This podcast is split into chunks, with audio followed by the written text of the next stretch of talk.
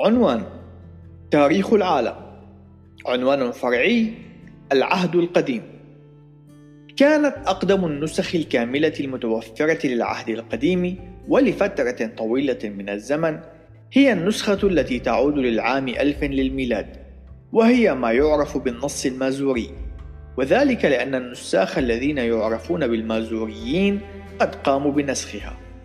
وقد ادعى النقاد بأن هذا النص قد تغير كثيرا عن النص الأصلي وذلك التغيير كان كبيرا وفي مواضع جعلت من المستحيل معرفة ماهية النص الأصلي. في يومنا راهن نحن نمتلك نسخا من النص المازوري التي تعود إلى العام 800 للميلاد. بالرغم من ذلك فإنه حتى حين كان النص المازوري هو أقدم النصوص المتوفرة للعهد القديم العبري كان يتوفر أسباب جيدة للاعتقاد بموثوقيته. على سبيل المثال النص السبعيني وهو الترجمة اليونانية للعهد القديم العبري كان قد اكتمل في القرن الثالث قبل الميلاد وهو في غالبيته العظمى يطابق النص المازوري الذي يعود إلى قرون لاحقة. إلا أن العام 1947 قد حمل اكتشافات رائعة في قمران. بالقرب من البحر الميت حيث تم العثور على مخطوطات تشكل جزءا من مكتبة لإحدى الطوائف اليهودية التي عاشت في تلك المنطقة.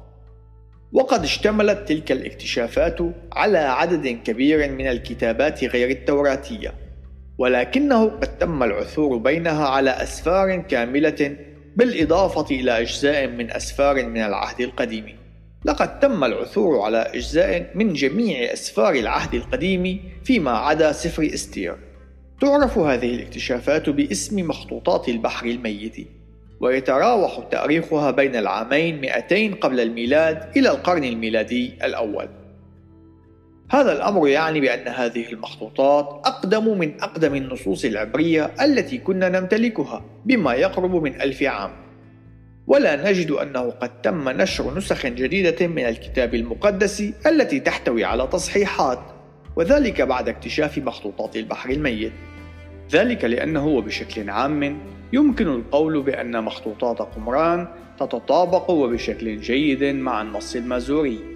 وهذا الأمر يظهر بأن النساخ وخلال فترة تمتد لما يقرب من ألف عام قد أتموا عملية النسخ بدقة وعناية فائقة ودون أي محاولة للإضافة أو التصحيح فما هو السبب الذي يدفعنا للاعتقاد بأن هذا النوع من الأمانة في النسخ قد تغير عبر التاريخ؟ إن الترجمات المعاصرة للعهد القديم مبنية وبشكل أساسي على النص المازوري إلا أن مخطوطات البحر الميت قد ساهمت في تقديم البعض من التوضيحات للترجمات الأحدث في بعض المواقع. إنه من غير المستغرب أن يكون نص العهد القديم قد حافظ على ثباته عبر الزمن.